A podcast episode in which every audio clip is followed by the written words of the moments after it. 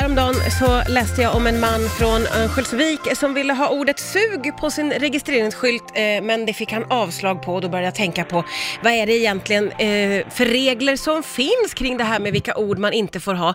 Med på telefon finns Eva Isaksen från Transportstyrelsen. Eh, du Eva, vad skulle du säga att det finns för regler kring det här? Ja, eh, om man tittar på regler om vi tittar på det här sug som du sa så Ja. har vi ju lite, eh, vi tittar ju när vi får in en ansökan om skylten är upptagen eller om skylten liknar ordinarie skylt. Mm. Om det är ett varumärke eller om det är stötande. Ja, det är stötande, precis ja. Eh, Ja. Hur avgör ni vad som är stötande? Ja, det vi tittar ju på de här orden som kommer in och så bedömer vi, vissa är ju rent uppenbart svordomar Ja. och, och så vidare. Mm. Men de här andra så får vi ju titta att kan det vara stötande för någon, då tittar vi lite extra på det och sedan så gör vi en bedömning att godkänna eller avslå. Ja. Och i det här fallet avslog vi sug då. Ja, just det. Du, eh, det, jag har sett en lista på eh, registreringsplåtar som har fått avslag och då är det, kan jag ju se att eh, alkoholrelaterade skyltar är inte okej. Grogg och vodka och öla, öla och sånt, det har fått nej. Eh, anses det stötande?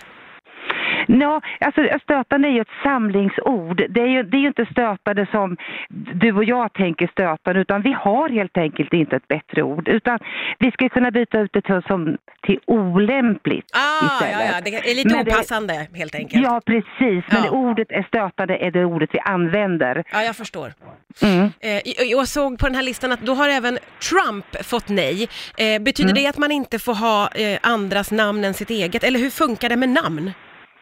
Eh, med namn så funkar det så att eh, vi godkänner de flesta namn. Ja. Eh, men ser vi att man ansöker, som i det här fallet, så den personen som sökte Trump hade ingen relation till Trump. Okej. Han hette inte Trump själv.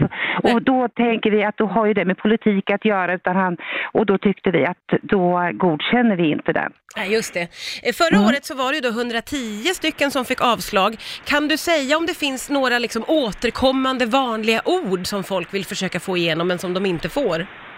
Ja, det har vi ju. Vi har ju lite svordomar på alla möjliga språk. Okej. Ehm, och lite olika varianter utav bitch till exempel. Jaha, ja, ja, ja. Ja, så att eh, visst har vi det.